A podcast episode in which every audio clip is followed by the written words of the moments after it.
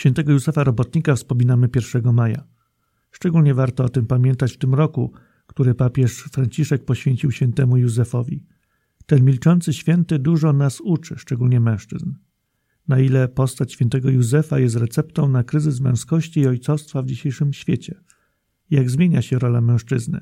Jaka powinna być jego duchowość? O tym rozmawiam z Andrzejem Lewkiem, prezesem Stowarzyszenia Mężczyzn Świętego Józefa, w poniedziałek 26 kwietnia 2021 roku. Ksiądz Jerzy Limanówka, zapraszam na audycję. Z Franciszkiem. Audycja poświęcona społecznym inicjatywom papieża. Idziemy z papieżem Franciszkiem na peryferię świata. Dlaczego według pana e, papież Franciszek ogłosił rok świętego Józefa? To jest bardzo dobre pytanie, ale chyba, chyba celowo byłoby zapytać papieża Franciszka, co nim kierowało. Natomiast to, co mnie bardzo mocno dotknęło, to to, że w ostatnim czasie papież senior, e, papież Benedykt, e, odniósł się do tej decyzji, do decyzji postawienia świętego Józefa jako, jako patrona tego roku i w ogóle do, do postawienia świętego Józefa jako patrona. E, myślę sobie, że święty Józef jest bardzo szczególnym świętym na te czasy i postawienie jego jako wzoru, jako przykładu w tym XXI wieku myślę, że jest bardzo celowe. Bardziej, że mamy czasy bardzo y, skomplikowane, bardzo chwiejne. Mamy niesamowity zamęt, jak się popatrzy na, na to, czym żyjemy, co przeżywamy, w jaki sposób funkcjonujemy. I myślę sobie, że w tych, w tych szczególnych czasach, w tym szczególnym miejscu postawienie świętego Józefa jest pokazaniem nam wartości wierności, wartości uczciwości, wartości prawości, a przede wszystkim wartości wsłuchania w to, co Pan Bóg przygotował dla nas i to, co w Panu Bogu powinniśmy i możemy robić. Rozmawiamy w okolicach 1 e, maja i to nam uzmysławia, że Pan, przepraszam, e, e, święty Józef ma jakby dwa oblicza, bo jedno oblicze to jest, które świętujemy 19 marca świętego Józefa Oblubieńca Najświętszej Marii Panny i 1 maja świętego Józefa Robotnika. Który z tych obrazów świętego Józefa jest nam bardziej potrzebny? Ja myślę, że ja myślę, że święty Józef akurat e, jest przykładem człowieka bardzo integralnego, bardzo spójnego, E, I jakoś bardzo trudno jest mi patrzeć na niego tylko i wyłącznie przez pryzmat człowieka pracy, rzemieślnika, człowieka e, uczciwie pracującego, zarabiającego, równocześnie nie widząc go w perspektywie jego, jego zaangażowania w świętą rodzinę, jego aktywności na polu rodzinnym, na polu troski o największe skarby, które dostał, bo Pan Bóg polecił mu swojego jedynorodzonego syna, polecił mu jego matkę, myślę sobie, że myślę sobie, że papież e, Franciszek pokazuje nam przez list Patris Corde, pokazuje nam świętego Józefa jako człowieka, któremu Pan Bóg mógł zaufać. E, I myślę sobie, że to jest coś, co jest e, wspólne dla świętego Józefa jako pracownika, jako rzemieślnika, jako człowieka pracy i jako ojca rodziny, jako odpowiedzialnego za bezpieczeństwo i wzrost świętej rodziny. To że on był po prostu wiarygodny. I Pan Bóg, Pan Bóg nie bał się powierzyć mu swoich najcenniejszych skarbów, swojego e, jednorodzonego syna i jego matki. Więc, więc ja naprawdę chciałbym, żebyśmy teraz w XXI wieku jako chrześcijanie, a, a może jako chrześcijańscy mężczyźni, e, mogli być tak wiarygodni dla Pana Boga. Bo Pan Bóg nam powierza również nasze skarby mi powierzył wspaniałą żonę, powierzył mi trójkę dzieci e, i tak naprawdę mogę albo, albo wypełnić tą rolę, w której mnie postawił, e, stanąć jako, jako ojciec, stanąć jako mężczyzna i wypełnić to, tą rolę i nie zawieść Bożego zaufania, albo mogę po prostu zostawić to, zignorować, nie podjąć tego zobowiązania czy, czy tej odpowiedzialności i wtedy tak naprawdę sprawię Bogu wielki zawód. Nie? No a w takim razie, co Was inspirowało do założenia Stowarzyszenia Mężczyzn Świętego Józefa, które powstały ile lat temu? No w Polsce 12 lat temu, 13 już lat temu. I jaka to była idea, która przyświecała powołaniu takiego stowarzyszenia? Znaczy idea w ogóle przyjechała ze Stanów Zjednoczonych. Myśmy stamtąd y, z sieci of St. Joseph International wzięli pomysł, inspirację i wspólnie pracujemy w jednej sieci, wspieramy się razem z naszymi braćmi z Ameryki. Natomiast, natomiast y, tak patrząc, to naprawdę mm, dzisiejszy mężczyzna w XXI wieku jest mężczyzną zagubionym. Mężczyzną, który trochę nie wie, w jaki sposób odnaleźć się w tych rolach i zadaniach, które Pan Bóg nam zlecił. I e, święty Józef jest takim patronem, na którego patrząc możemy to odkryć. Możemy to odkryć, czego Pan Bóg od mężczyzn oczekuje i w czym możemy Bożą wolę wypełnić tutaj, w naszej przestrzeni odpowiedzialności. Dlatego ja mam takie przekonanie, że to jest naprawdę, naprawdę święty, który jest niesamowitym wzorem dla mężczyzn dzisiaj. Chociażby przez to, że dużo więcej uwagi e, poświęcał temu, co robi, niż temu, co mówi. I, generalnie to, no, no akurat... wszyscy, wszyscy to dostrzegają, że dostrzegają, że w Piśmie Świętym nie znajdziemy żadnego miejsca, gdzie możemy zacytować świętego Józefa, natomiast Natomiast jego postawa krzyczała. Jego sposób bycia, jego sposób e, słuchania Pana Boga, jego sposób reagowania na Boże zaproszenia, na Boże wezwania, to jest coś, co bardzo mocno krzyczy do nas dzisiaj i to jest coś, czego potrzebujemy się od świętego Józefa nauczyć. E, wspomniał Pan, że stowarzyszenie powstało z inspiracji również kontaktów ze Stanami Zjednoczonymi. E, a jak tam wygląda problem E, męskości, ojcostwa, e, na ile są te problemy paralelne, podobne tutaj do, do, do naszych? Ja myślę, że w dobie globalizacji e, te problemy robią się bardzo wspólne, bardzo takie same. Nie? Tym bardziej, że my jesteśmy w zachodnim kręgu kulturowym i my bardzo dużo czerpiemy ze Stanów Zjednoczonych. Niestety nie tylko to, co dobre, ale czerpiemy również to, co złe i, i nie umiemy trochę wybierać i, i, brać tylko dobrych rzeczy. Dlatego dobrym inwentarzem bierzemy wszystko, co, co nam Ameryka sprzedaje i nie wszystko jest dobre. Jeśli chodzi o, o problemy, to myślę sobie, że mm, jeśli chodzi o sekularyzację, jeśli chodzi o y, y, ideologię, jeśli chodzi o, o pewien taki sposób y, funkcjonowania, E, to, to my dzięki Bogu jesteśmy jeszcze w zupełnie innym miejscu niż Stany Zjednoczone, chociaż bardzo szybko ich gonimy, jeśli chodzi o, o tak, takie nasze e, wycofanie się z życia wiarą, o takie nasze zakręcenie się wokół, wokół kariery, wokół materii, wokół tego, co tutaj i teraz widzimy. E, nasz, nasz przyjaciel Donald Terbit mówi, że Polska jest chyba ostatnim krajem, który zna, który zachował jeszcze ramy kultury chrześcijańskiej. To jest bardzo gorzka diagnoza, tym bardziej, że widzimy, że te zręby też u nas się chwieją, a pomocno się chwieją. No i nie wiem. Nie wiem, jak długo wytrzymamy jeszcze jako, jako katolicki naród.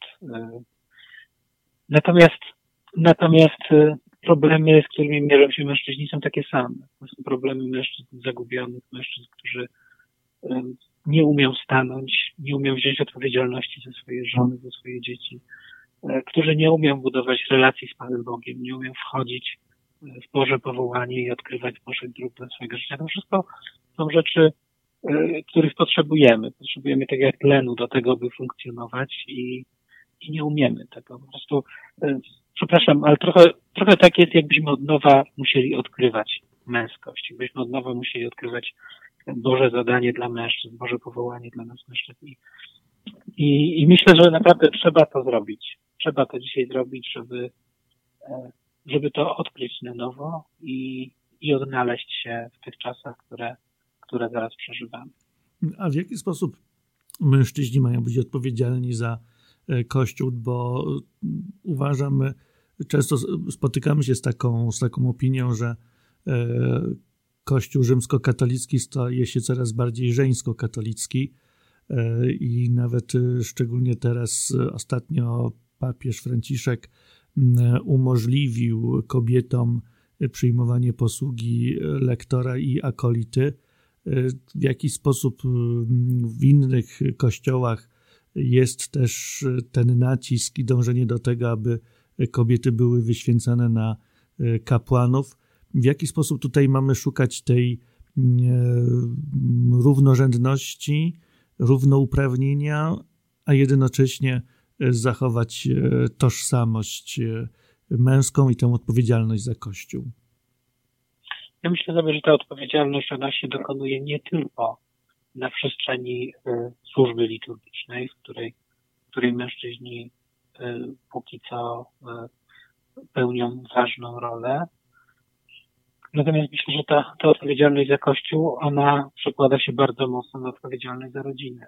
Przekłada się bardzo mocno na odpowiedzialność za domowy Kościół, w którym, w którym my jako mężczyźni jesteśmy odpowiedzialni. I to, to, to nie jest tak, że jeżeli nie podejmujemy tej odpowiedzialności, to się nam jakoś upiecze.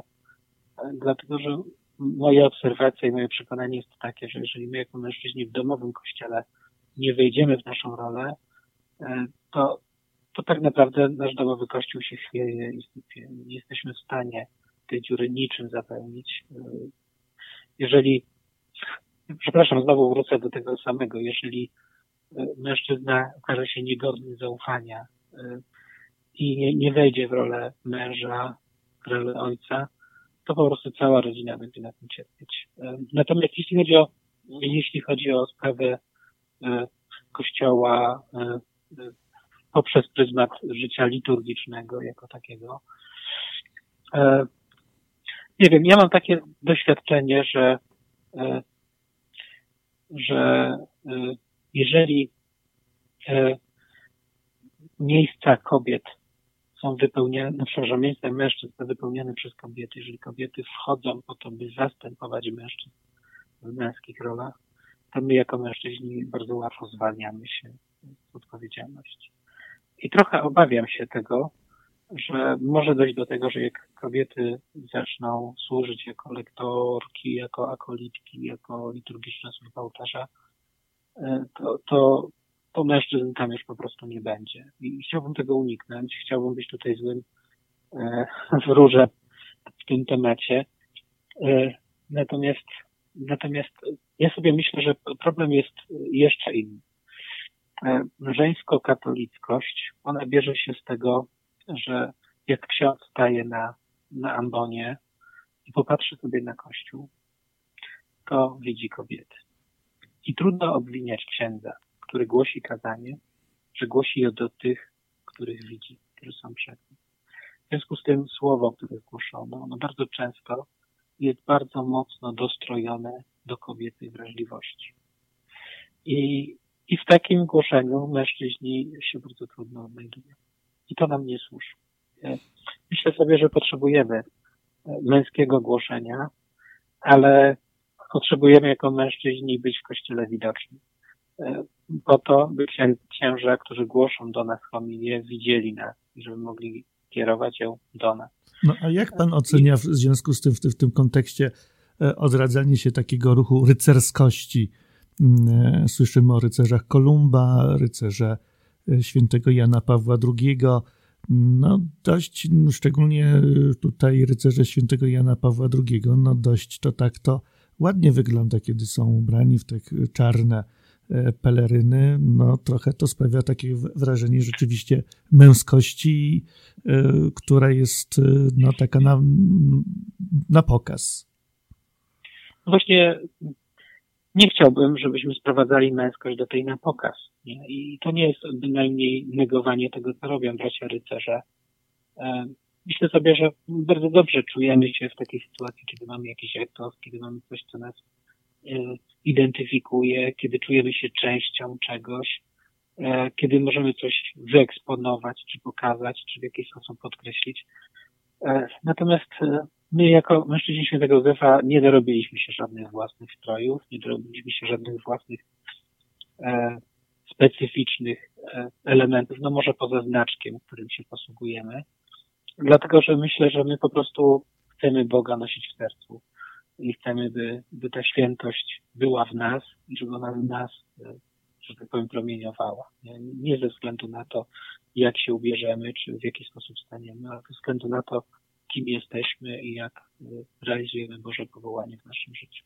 Gdzieś w tych materiałach, które e, otrzymałem od Pana, gdzieś mi tam mignęło taki postulat utworzenia duszpasterstwa mężczyzn w Kościele na wzór innych duszpasterstw, jak e, ludzi, z, e, ludzi zdrowia, znaczy służby zdrowia i tak dalej. Dlaczego takie e, duszpasterstwo byłoby potrzebne i co byłoby ich głównym zadaniem? To znaczy, taki postulat został skierowany dwa lata temu do konferencji Episkopatu Polski. On gdzieś zniknął w natłoku spraw covidowych mam nadzieję, że biskupi do tego, do tego tematu wrócą, dlatego że e, ja mam takie przekonanie, że e, bitwa o Kościół rozgrywa się na obszarze naszych rodzin. I ta bitwa o Kościół rozgrywa się w naszych rodzinach, a żeby ją wygrać, potrzebujemy zaangażowanych mężczyzn. Potrzebujemy mężczyzn, którzy nie będą bali się wejść w Boże powołanie go zrealizować. Potrzebujemy mężczyzn, którzy będą odpowiedzialnie chronić swoje żony, swoje dzieci, e, którzy będą w sposób odpowiedzialny spędzać czas, bo tak się mówi, że czas to miłość, e, okazywać miłość, dawać tę miłość naszym najbliższym, bo, bo to jest fundament tego, by nasze rodziny się ostały. Więc miałem takie przekonanie, że potrzebujemy mężczyzn wzmacniać po to, by chronić nasze rodziny. I, i naszych rodzin y, z całym szacunkiem dla kobiet, sama kobieta nie ochroni naszej rodziny. Potrzebujemy mężczyzn, którzy będą odważni, którzy będą wchodzić, y, brać odpowiedzialność.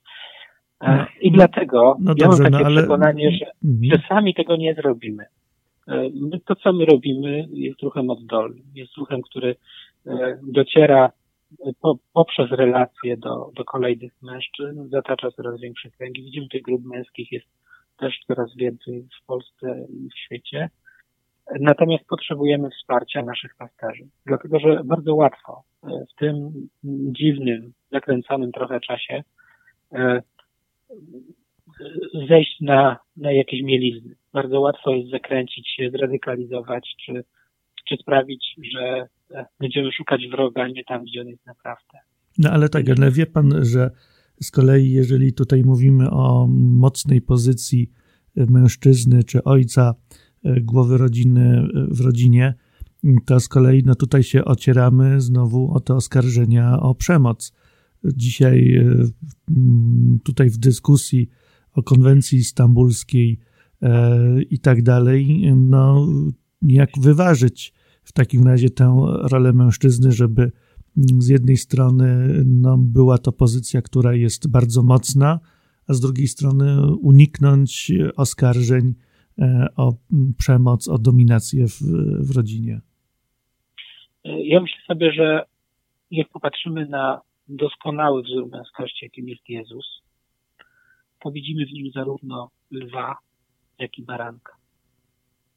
I myślę sobie, że że potrzebujemy być twardzi, być zdecydowani, być bardzo tacy y, waleczni, kiedy chronimy nasze rodziny. Natomiast wewnątrz naszych rodzin my musimy nauczyć się kochać. Musimy nauczyć się być delikatni, być bardzo wrażliwi, bardzo tacy subtelni po to, by, by te skarby, które Pan Bóg nam powierzył, nie poranić, tylko ochronić. Więc ja myślę sobie, że mężczyzna potrzebuje dwóch twarzy. Ja, przepraszam, może to źle brzmi, ale tej twarzy takiej twardej, zdecydowanej, która chroni, a równocześnie tej takiej bardzo wrażliwej, bardzo czułej, po to, by, dać tam czułość i wrażliwość. No tak, ale ja mam takie wrażenie. Nie ma, mhm. nie ma przestrzeni na przemoc w rodzinie. Nie ma, po prostu męskość i przemoc to są dwa y, zupełnie różne y, te, pojęcia. Nie? I, I, po prostu one się ze sobą nie, nie trzymają, one się nie kleją. Mężczyzna, y, który, który posługuje się przemocą, nie jest mężczyzną. No tak, ale y, powiedział Pan o tym, że to jest mężczyzna, który chroni rodzinę. Y, natomiast y, jakie są zagrożenia dla rodziny, gdzie ta męskość musi się tak szczególnie objawić? No cóż, no, zawieramy małżeństwo, bierzemy mieszkanie na kredyt, jest praca. Czym tutaj mężczyzna ma, przed czym ma bronić e, swoją rodzinę, przed jakimi czynnikami? Nie ma wojny, no, teraz mamy pandemię w Polsce, ale tak to, nie masz takich, takich zagrożeń, przed którymi no, mężczyzna powinien prężyć muskuły. Myślę, że niekoniecznie fizyczne muskuły, natomiast te zagrożenia się nam, się nam wciskają. W tym momencie, kiedy, kiedy w dobie pandemii cała edukacja jest online, kiedy nasze dzieci od rana do wieczora siedzą przed komputerem, my naprawdę nie wiemy, kto i w jaki sposób ma na nich wpływ. I mężczyzna jest od tego, by się tym zainteresować, by zbudować relacje z swoimi dziećmi, by spędzać z nimi czas by być autorytetem dla swoich najbliższych, by dawać im miłość i okazywać ten czas, dawać czas i okazywać miłość, żeby, żeby po prostu tworzyć taką przestrzeń, w której dzieci e, będą mogły otworzyć się i podzielić się swoim życiem, powiedzieć, co przeżywają i jak przeżywają. Po to, byśmy mogli zareagować w sytuacji, kiedy dzieje się coś niepokojącego. Po to byśmy nauczyli dzieci inaczej spędzać czas, niekoniecznie tylko przed komputerem, E, no to jest tylko przykład, nie? To jest tylko przykład, natomiast natomiast e, sposób życia, sposób e, funkcjonowania, sposób myślenia, to jest wszystko to, co, co dzisiaj, co dzisiaj świat nam proponuje, co dzisiaj świat wkłada, niejako pomi przepraszam, pomijając nas jako rodziców, co świat wkłada naszym dzieciom i, i, i naprawdę my jako mężczyźni musimy zawalczyć o to, by być autorytetem dla swoich dzieci. Musimy zawalczyć o to, by mieć na nich wpływ. Na pewnym etapie tak. nasz wpływ zanika. Nasz wpływ zanika i nie jesteśmy w stanie e, już wpływać na nasze dzieci, więc ten czas, kiedy ten wpływ możemy mieć, kiedy możemy dać naszym dzieciom to, co najlepsze, jest bardzo krótki. E, dlatego, dlatego potrzebujemy tego czasu nie marnować. E, I to, co, to, co obserwuję, bardzo często przychodzą do nas mężczyźni w moim wieku, albo i starsi i mówią, dlaczego nie wiedziałem tego wcześniej? Dlaczego to, co tutaj usłyszałem, e, nie było mi wcześniej powiedziane?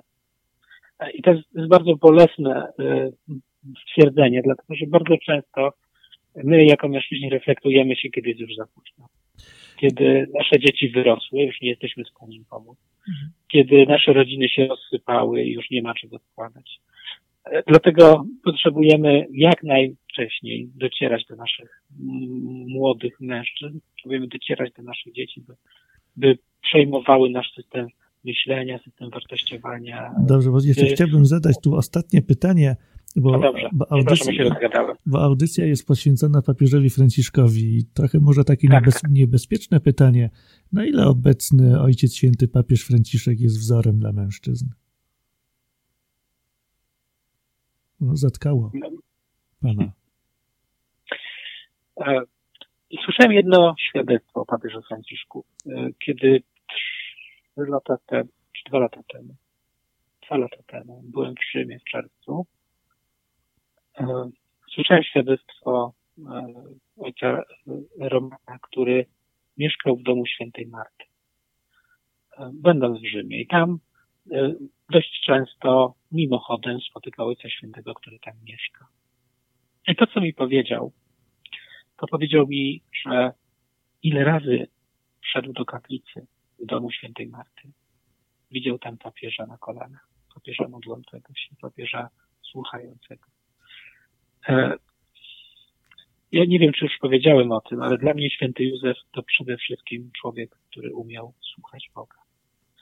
I tutaj E, Ojciec Święty i, i Święty Józef mają to wspólne. Po prostu mają e, taką wrażliwość i uchowy wyczulony na słuchanie Pana Boga. I tego jako mężczyźni potrzebujemy się nauczyć od świętego Józefa, tego potrzebujemy nauczyć się też od Ojca Świętego papieża Franciszka, żebyśmy znajdowali czas na modlitwę, a przede wszystkim uczyli się słuchać i rozpoznawać Boga, który mówi do naszego życia. Boga, który stawia przed nami konkretne wyzwania, konkretne zadania, których nie odkryjemy, jeżeli nie posłuchamy.